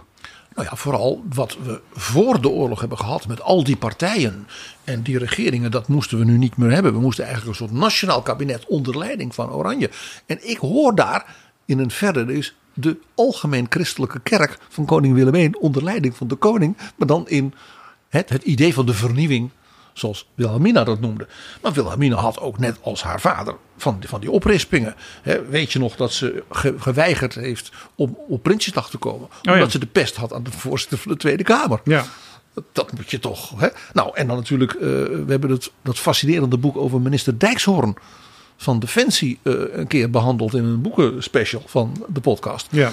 Waarin die man dus ook in zijn aantekeningen. Dus liet blijken hoe hij door Wilhelmina volledig gekraakt werd. Uh, omdat ze hem uh, ja, niet mocht. En uh, Wilhelmina had natuurlijk ook een, pupil. Dat was de jonge prins Bernard. De, de man van latere koningin Juliana. Die ook niet zo ontzettend democratisch gezind was. Nee, die, en, en die bij die minister Dijkshoorn in de oorlog zei dat hij wel een vliegtuig wilde. Want dan kon hij veel. Hè, dan kon hij ook met vrienden in Canada een soort vlug, luchtvaartschool voor Nederland. Dan kon allemaal leuke dingen doen. En of dat niet even geregeld kon worden. De minister zei: ja, maar Koninklijke Hoogheid, we hebben geen geld om zomaar een vliegtuig voor te kopen. Bovendien, Nederland is in oorlog met Nazi-Duitsland. Onze focus moet zijn hoe winnen we die oorlog? En niet of u een beetje gezellig met uw eigen vliegtuigje op en neer kan vliegen. En over Bernard kunnen we natuurlijk zeggen over de, latere fase eh, tijdens het koningschap van Juliana. Dat gebleken is dat Bernard ontvankelijk was voor, voor giften. Je kunt gewoon met andere woorden zeggen corrupt was. Ja, en, en, en ook, ook in die jaren van Juliana en Bernard waren natuurlijk hele opmerkelijke momenten.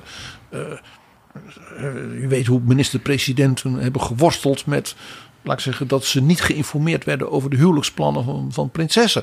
En dat het pas hè, later Piet de Jong als premier, die ook al gewerkt had voor, voor Juliana op Soesdijk, dat die precies de juiste toon had en ook het gezag had om de koningin op dat punt te zeggen van majesteit, dit kan zo niet. Dus dat moeten we beter regelen. Nou, toen heeft ze nog met aftreden gedreigd, dat deed ze dan wel vaker. Uh, en toen is het uiteindelijk nog min of meer goed gekomen. Maar dat was natuurlijk toch allemaal wel heel apart. Ja. Even los van de Greet Hofmans affaire. Je kunt misschien zeggen dat Beatrix, eh, de koningin die daar weer op volgde, eh, dat die het eigenlijk nog het meest professioneel heeft aangepakt van allemaal. Ik wil er nog eentje noemen, en dat hebben we al vaker kort genomen, en dat is Emma. Oh ja, natuurlijk Emma. Die heeft in die tijd dat ze regentes was, in feite een soort benchmark gedaan voor zeer constitutioneel. Ja, ja die vergeet, zeer die vergeet altijd, dat heb ik zelf niet meegemaakt, Emma. Je bent wel al een dagje ouder, Jaap, maar Emma heb je dan toch weer niet meegemaakt. Nee, maar die is dus in zekere zin een soort benchmark eh, voor zeer, zeg maar, zuiver constitutioneel vorstendom. En dat is opmerkelijk, want het was ook een hele jonge prinses uit een heel klein Duits vorstendommetje. En in zekere zin lijkt dus Beatrix in een aantal opzichten op Emma. Nou, zeer strak als het ging om de constitutionele principes. En tegelijkertijd uh, een ja, soort common touch waar nodig. Wel, wel hè, Emma was ook een typische Duitse aristocrate. Maar men vond haar benaderbaar en vriendelijk. En uh, ja, men vond het wel een, een bijzonder iemand. En heel, als, als je nu terugkijkt op Beatrix, denk je, die heeft eigenlijk grappig genoeg nogal wat van haar overgrootmoeder Emma. Ja, Beatrix was een harde werker. Beatrix was ook iemand die heel precies aanvoelde in de meeste gevallen waar de politieke grenzen lagen. Zij was natuurlijk ook nog een koningin die kabinetsformaties regisseerde. Ze heeft er acht geleid, zou je kunnen zeggen. En daarna kwam natuurlijk Willem-Alexander. En die heeft uh, nooit een kabinetsformatie gedaan. Nee, want de laatste formatie van koningin Beatrix was die van 2012. Ja. En die leidde dus tot het kabinet Rutte 2. En mede vanwege het gedoe, ook rondom suggesties over de rol van de koningin in de formatie van Rutte 1, heeft men toen gezegd: de Kamer moet maar zelf meer het initiatief nemen. Ja, en dat was al voorafgegaan in 1994 door de komst van het eerste Paarse kabinet onder leiding van Wim Kok. En daar uh, had Beatrix, dat blijkt uit de biografie van Hans van Mierlo, de Hubert Smeets. Prachtig boek. Gebaseerd op allerlei aantekeningen ook van, van Mierlo. Dat Hans van Mierlo, de leider van D66, ruzie had gemaakt in het paleis met de koningin over de samenstelling van een nieuw kabinet. De koningin wilde eigenlijk kosten wat het kostte het CDA in dat nieuwe kabinet. En Van Mierlo was natuurlijk uit op paars, een kabinet voor het eerst sinds heel lang zonder een CDA-achtige partij. Dus er was wel vrevel, zeg maar, in Den Haag om allerlei redenen over de rol van het staatshoofd in de kabinetsformatie. En dan is het natuurlijk ook wel weer bijna navrant of ironisch dat toen het CDA er weer bij mocht en het CDA zelfs de premier ging leveren, Jan-Peter Balkenende, dat die toen de nodige aanvaringen met nou juist koningin Beatrix had rondom gedoe in haar eigen familie. Ja, en dat is interessant, want waar Alexander Pechtold, waar we in het begin van deze aflevering uh, het over hadden, nu naar kijkt. En dat boek van Jan Hoedeman. Er is niet, immers niet meer die hele zware rol in de kabinetsformatie. Is uh, toch een beetje de privékant ook van het koningschap. Die soms te veel doorweegt in negatieve zin. Nou, wat je dus ziet, denk ik, Jaap, ook als je dus kijkt naar, ik zal maar zeggen, dus de analyse van Jan Hoedeman en de speech van Pechtold, is dat zeg maar de balans in de rollen van de koning. En in zekere zin de worsteling met die balans die we en bij Willem I en bij Willem III dus in heel heftige mate zagen. Dat die balans ook nu weer moeilijk is. Doordat dus de politieke, constitutionele rol ja, van de koning bijna tot ja, pure uh, formele symboliek is gezakt. Gaat dus als het ware de balans doorslaan naar de aandacht voor de, ja, ik zou maar zeggen, de, de, de, de en het klatergoud. Ja, en, en, soms... en de koning kan zich ook in dus die politieke kant gewoon ook minder als een soort garant van goede uh, verhoudingen, van politieke stabiliteit als het ware profileren. Want dat was natuurlijk wat Juliana in die kabinetsformatie, het god zeker ook voor Beatrix, zich ook daarmee toch ook wel weer profileerde als na zo'n verkiezing komen al die politici eerst bij de koningin. Dan wordt als het ware, wordt als het ware weer een beetje vrede gesloten hè, na al dat politieke gedoe. En bij de koningin wordt gezegd, nou moeten we toch wel het land tot een goed bestuur brengen. Dus ik ga dan eens een verstandig iemand, een Cenk Willink of zo. Ja. Die gaat eens praten namens de koningin. Die rol is weg. Ja, en wat de koning met de premier en de ministers bespreekt, ja dat blijft grotendeels wel in het verborgene. Uh, dus daar kun je als zodanig wel kritisch op zijn, maar niet inhoudelijk, want daar weet je gewoon niks van of te weinig van. Dus ga je kijken naar wat sommigen dan wel tot het privédomein uh, ja, benoemen. Pechtold, die, die had in zijn speech had hij ook een aantal voorbeelden van zijn tijd nog als Kamerlid waar hij vragen over stelde. Je gaat dan bijvoorbeeld kijken naar het geld van het Koninklijk Huis. Want dat staat heel vaak een beetje verborgen in verschillende begrotingen. Dat is niet heel transparant. Het is heel interessant, die voorbeelden die Pechtold noemt over dingen waar hij als actief parlementariër zeg maar, aandacht van de regering had gevraagd en wel verantwoording van premier Rutte of eerst ook en premier Balkenende. Dat zijn dus allemaal dingen dat je denkt, ja, dat gaat dus niet over de belangrijke politieke zeg maar, uh, rol Nee, van de vorst als garant. Min of meer privé dingen. Bijvoorbeeld Het stijgertje. in Griekenland, waar eh, Willem-Alexander zijn eh, speedboot aan wilde vastleggen. Een hele dure eh, miljoenenboot. Voordat hij in Griekenland iets ging kopen, wilde hij eigenlijk in Mozambique op een eiland meedoen aan een groot vastgoedproject. Daar zaten allemaal mooie gedachten van Willem-Alexander achter over iets doen in en met Afrika. Maar ja, in Mozambique is heel veel corruptie, dus al snel ben je dan zelf ook deel van die corruptie. En andere lieden die in dat vastgoedproject zaten, daarvan was, kon de Nederlandse regering niet van zeggen dat ze daar politiek verantwoordelijk voor waren. Ehm, eh, hij kreeg subsidies voor het kroondomein. Eh, maar dan wordt er gezegd, ja, dat kroondomein is mooi. Maar het moet ook wel een beetje toegankelijk zijn. Dat mensen er gewoon op hun vrije dag doorheen kunnen wandelen. Nou, dat, dat wilde Willem-Alexander dan weer niet.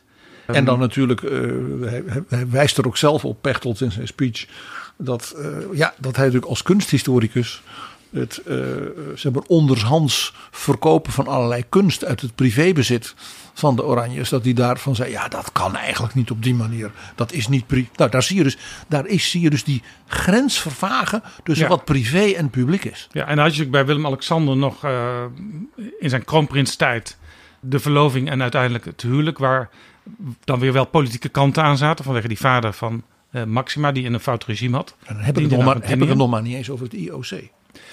En dan heel recent in de coronatijd, ja, toch een viertal bloepers van Willem-Alexander. En daar is eh, Pechtold in zijn speech buitengewoon scherp over. Ja, want dat heeft ermee te maken dat je eh, van het volk vraagt als regering, ook met een mooie toespraak eh, in de beginfase van Willem-Alexander zelf, om ja, toch een offer te brengen. Hè? Niet meer dus, altijd de deur uit, eh, een tijdje maar even niet op vakantie, want dat, dat kan niet. Nou ja, het reizen in heel Europa was een probleem. Zelfs het reizen in Nederland was een probleem. En de reden was, we moeten voor elkaar zorgen om te voorkomen dat die pandemie onbeheersbaar wordt. Toen verscheen er ergens een, een foto eh, van een nonchalante Willem-Alexander in een Grieks restaurant in Griekenland. Met zijn mondkapje, ja, een beetje showvol in zijn, in zijn hand. Niet voor zijn mond dus.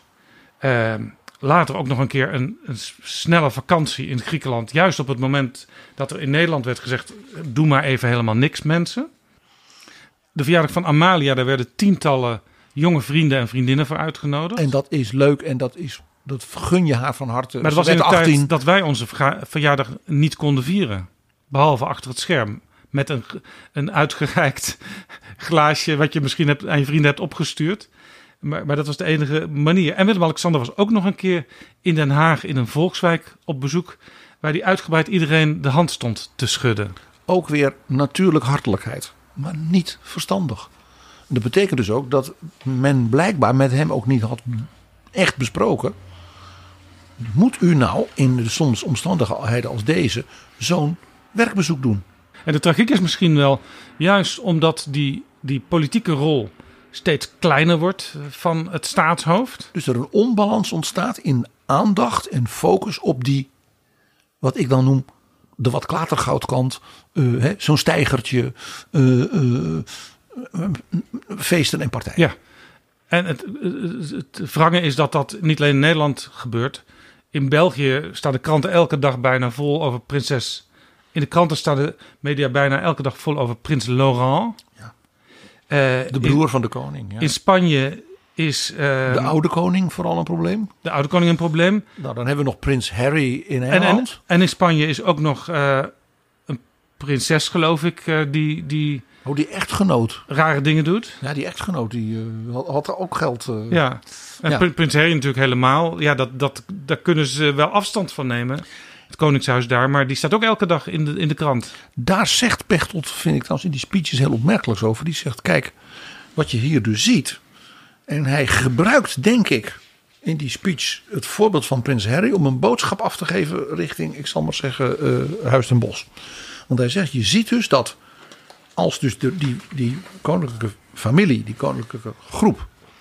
dus depolitiseert, dus niet meer die politieke rol heeft... ook als hè, soort zichtbaar eh, eh, symbool... en ook politiek daarin actief kan zijn... dat dan dus de aandacht, ja, ik zeg maar, een beetje ver. En hij zegt dus, ja, prins Harry die is dus een, ja, die zocht, een, zocht een leven en die zegt dus, ja, die is nu een van de Kardashians geworden.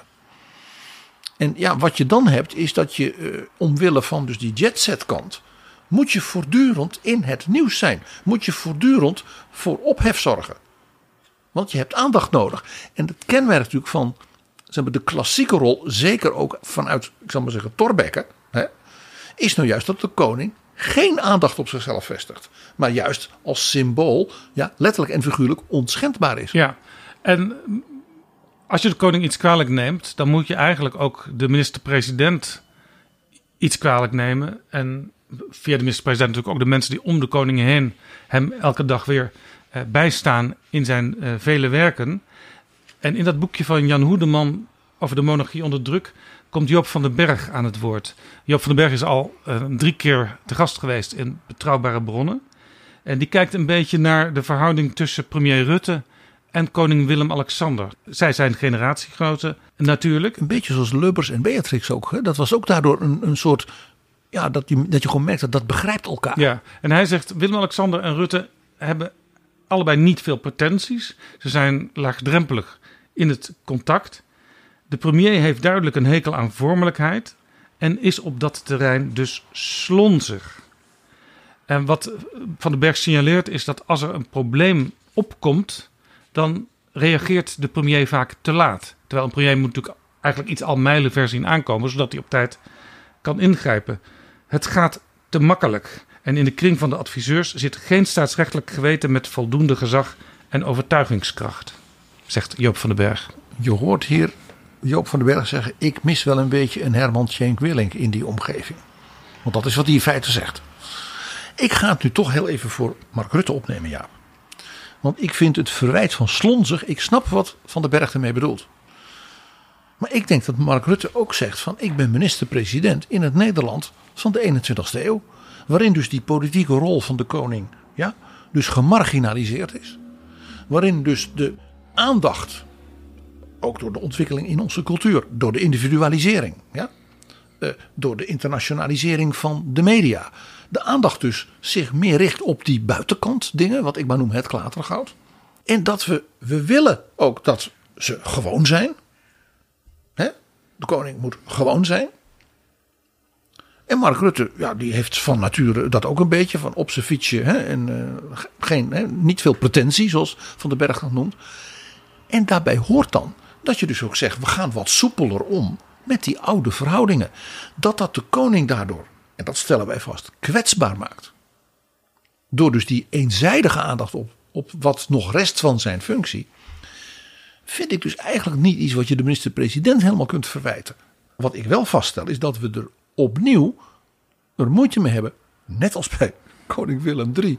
En ook af en toe bij Wilhelmina. En ook, zeker ook bij Juliana om de juiste balans te vinden in wat Thorbecke nou eigenlijk bedoelde. Met de koning is onschendbaar en de minister is verantwoordelijk. Ja. Dus we zijn weer met elkaar aan het worstelen. En het is misschien ook wel een beetje een spagaat in deze tijd om zoiets te hebben. En ja, wat jij in het begin zei, uit het hoofdredactioneel commentaar van Trouw ja. over die podcast, laat dat ook eigenlijk een beetje pijnlijk zien. Want wat doe je? Je hebt dus een leuk, modern eigentijds medium voor misschien ook voor een eigentijds publiek. Waarvan de koning dan vervolgens zelf zegt: Ja, ik had er nog nooit van gehoord. Dus hij laat zich dat dan blijkbaar opdringen hè, door zijn adviseurs. Hij had er wel van gehoord natuurlijk. Ja. Uh, maar uh, hij luisterde niet. Hij kon blijkbaar niet opbrengen om anderhalf uur naar betrouwbare bronnen te luisteren twee keer per week. Het verbaast me ook ontzettend dat het zo'n succesvolle formule is. Er zijn grenzen, ja. Daar moet je dan weer begrip voor opbrengen, denk ik. Ik hou me overigens wel aanbevolen voor wat Trouw graag wil. Namelijk een goed journalistiek gesprek met die koning. Met mooie dingen uit de geschiedenis van zijn voorvaderen. Ik kan me daar van alles bij voorstellen, Jaap, dat jij daar wel voor zou voelen. Nee, maar in alle ernst. Uh, die podcast laat ook dus die spagaat zien. Want je wil dus een toegankelijke, soepele, uh, communicatieve uh, identiteit rond die koning. En tegelijkertijd zeggen, ja, dat kan eigenlijk niet. Nee, want ik heb, ik heb de eerste aflevering beluisterd van die podcast. En dan wordt het een beetje pijnlijk. Ja, die is heel, heel gezellig en aardig. En je denkt, nou, ik zou best met die jongen een uh, glas pils willen drinken. Maar niet in Sochi. Maar ja, uh, heel vaak denk je, maar je zit er nog wel wat laagjes onder. En daar moet je ook doorvragen. En dat doet natuurlijk Edwin Evers niet. Dat kan niet. En ik vond ook heel interessant, dat las ik in een andere krant. De redengeving waarom men die meneer Evers heeft gevraagd. Want die kent de koning vanwege allerlei sportfestijnen. Ja, ze waren een dus aantal dus... keren samen geweest in een radiostudio. Bijvoorbeeld tijdens de Olympische Spelen. En dat gaat natuurlijk heel leuk dan. En dat raakt dus precies wat ik zei. Dus die verschuiving van zeg maar, die symbolische rol van de koning naar, mag ik het onaardig zeggen, de paraphernalia. Het is allemaal hartstikke gezellig in de sport. Maar als je dan zegt, we gaan dus zoiets doen met een DJ. Dan zegt zo'n krant dan, ja, maar in zekere zin is de koning dan aan het babbelen. Het verbaast me ook ontzettend dat het zo'n succesvolle formule is. Maar een soort ja, bevestiging van zijn rol, een soort verantwoording van ik zie dat koningschap zich zo ontwikkelen. Ja, dat kan je natuurlijk niet verwachten. En dat geldt in zekere zin ook voor zo'n boek over Amalia van Claudia de Brij en vroeger van Renate Rubinstein over kroonprins Willem-Alexander. Ja. En dat dus in combinatie met die waarschuwing, want zo heb ik het opgevat, van Pechtold over de, zeg maar, de Kardashian-kant. Die dus dreigt als dus die koningshuizen politiek ja, gemarginaliseerd worden, maar wel een soort Europese Hollywood-elite gaan vormen. Hierover zegt Pechtold in het boek van Jan Hoedeman: Als het sprookje wordt ontdaan van zijn mystiek en de Oranjes gaan lijken op de Kardashians, de Beckhams en de, de Molletjes, dan worden ze ook op die manier behandeld. Nou, zo scherp zou ik het niet eens durven formuleren, Jaap. Maar ik snap heel precies wat hij bedoelt. Als je de, de codes van wat ik noem een soort Europees aristocratisch Hollywood gaat ontlenen van die internationale nou ja, Beckham-wereld, dan word je dus ook behandeld als de internationale Beckham-wereld. En dan wordt er ook verwacht dat je je daarna gaat gedragen. En dan komt dus dat andere punt waar we, waar we het over hadden. En dat is heel Nederlands, dat kan ik ook niet helpen, maar dat zit nu in Nederland. Dan gaat men zeggen, en wat moet dat kosten? En dan ineens roept Nederland natuurlijk, we willen dat ze gewoon zijn. Want hoe gewoner, hoe leuker in Nederland. En hoe zich dat dan verhoudt tot dat je ook als het ware een soort aristocratische Royal Kardashians bent dat wordt dan wel heel ingewikkeld. En ja, dat kon Torbekke natuurlijk in 1848 ook niet weten. En Jaap, naast dus dat boek van Jan Hoedeman, leg ik dus het boek van Duivendak en Hurenkamp. Jan-Willem Duivendak en Menno Hurenkamp. Over de gewone man. Over die merkwaardige Nederlandse worsteling hebben dus een tweede worsteling. Hè? Namelijk van wat is dan gewoon? En wie bepaalt dan wat gewoon is? En daar is de koning natuurlijk heel kwetsbaar. Want hij kan niet zelf bepalen wat gewoon is. Dat is op zichzelf al niet meer gewoon. Dat je als het ware niet kunt bepalen wie je bent. En in dat opzicht is misschien de suggestie van Pechtold om na te denken over ja, de rol van het koningschap in ons bestel in deze tijd toch wel uh, ja, serieus te nemen. De Franse Revolutie, waar we het een paar keer over hadden in deze aflevering, en de liberale gevolgen daarvan. Nou, die waren voor de koningin en de koning van Frankrijk vrij bruut hoor. Ja, hoewel er daarna natuurlijk nog wel een aantal Napoleons geweest waren die, die, die dat aspect weer tijdelijk herstelden. Uh, maar de laatste gevangene eigenlijk, die nog niet bevrijd is, is de koning zelf, zou je kunnen zeggen. In, in Nederland althans. Hij zit in zijn eentje in de Bastille. En zijn dochter, die hem dan te zijner tijd zou moeten opvolgen. En dat is dan ook de conclusie van Alexander Pechtold.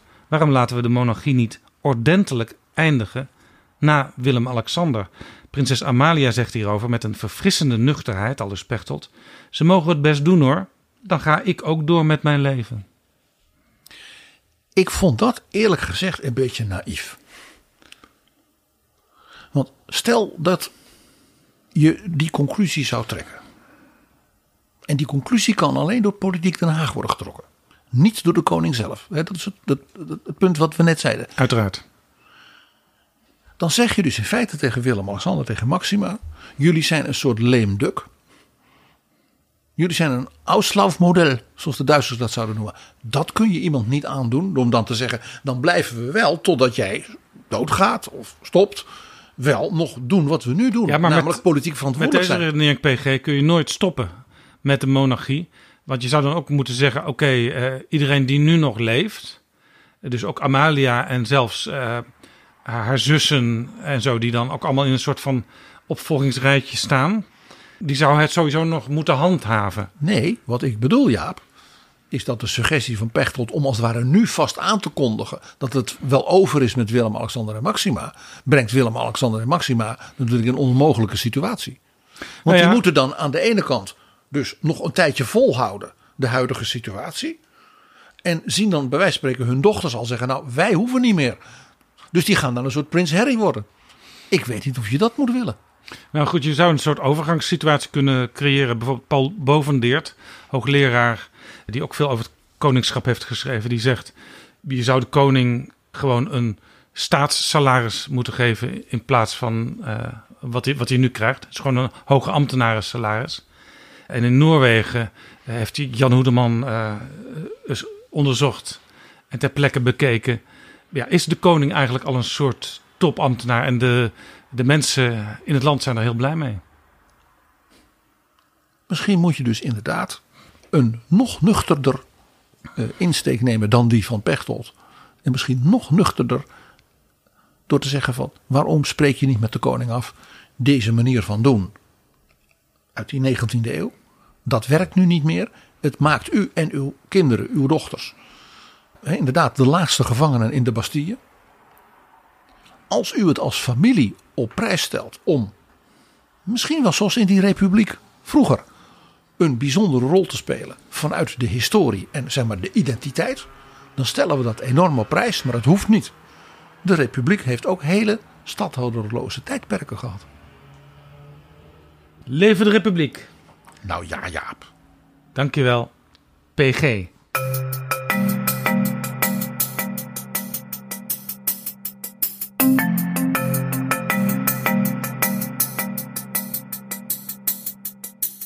Zo, dit was Betrouwbare Bronnen aflevering 342. Deze aflevering is mede mogelijk gemaakt door de vrienden van de show. Wil jij ons ook helpen met een donatie?